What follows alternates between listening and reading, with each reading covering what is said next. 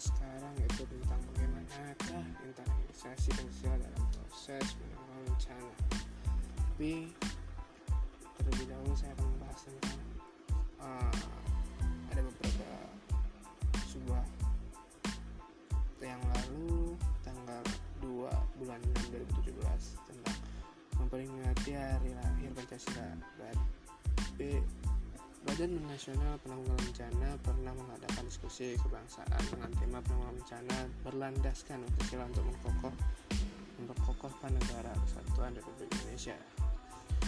Dalam penanggulangan bencana kita memerlukan kerjasama dalam pihak dengan semboyan minikan Tunggalika yang kita harus dan kita harus membuang jauh-jauh sikap mementingkan diri sendiri atau daerahnya sendiri tanpa peduli kepentingan bersama. Hal itu bila hal itu tersebut hal itu terjadi pasti negara kita akan terpecah belah oleh sebab itu marilah kita jaga Bhinneka Tunggal Ika dengan sebaik-baiknya.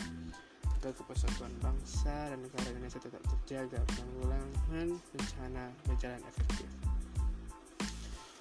Hmm, Pancasila harus dijadikan landasan dalam aktivitas penanggulangan bencana sadar dan wilayah geografis. Kita harus waspada akan timbulnya bencana maupun mengantisipasi mengantisipasi dan melakukan mitigasi atau mengurangi risiko bencana yang ditimbulkan. Dapat dibayangkan apabila tidak ada penanggulangan penanggulan seberapa besar korban dan kerusakan yang terakumulasi.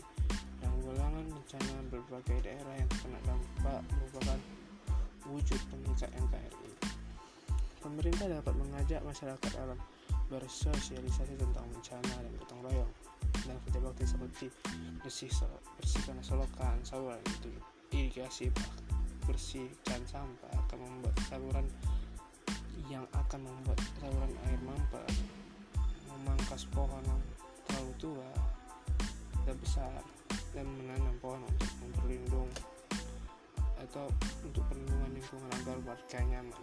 Nah, gotong royong sebagai silaturahmi menjadi bukan konflik individu dan kebersamaan dan kegembiraan bersama. Yang merupakan wujud mencegah bencana.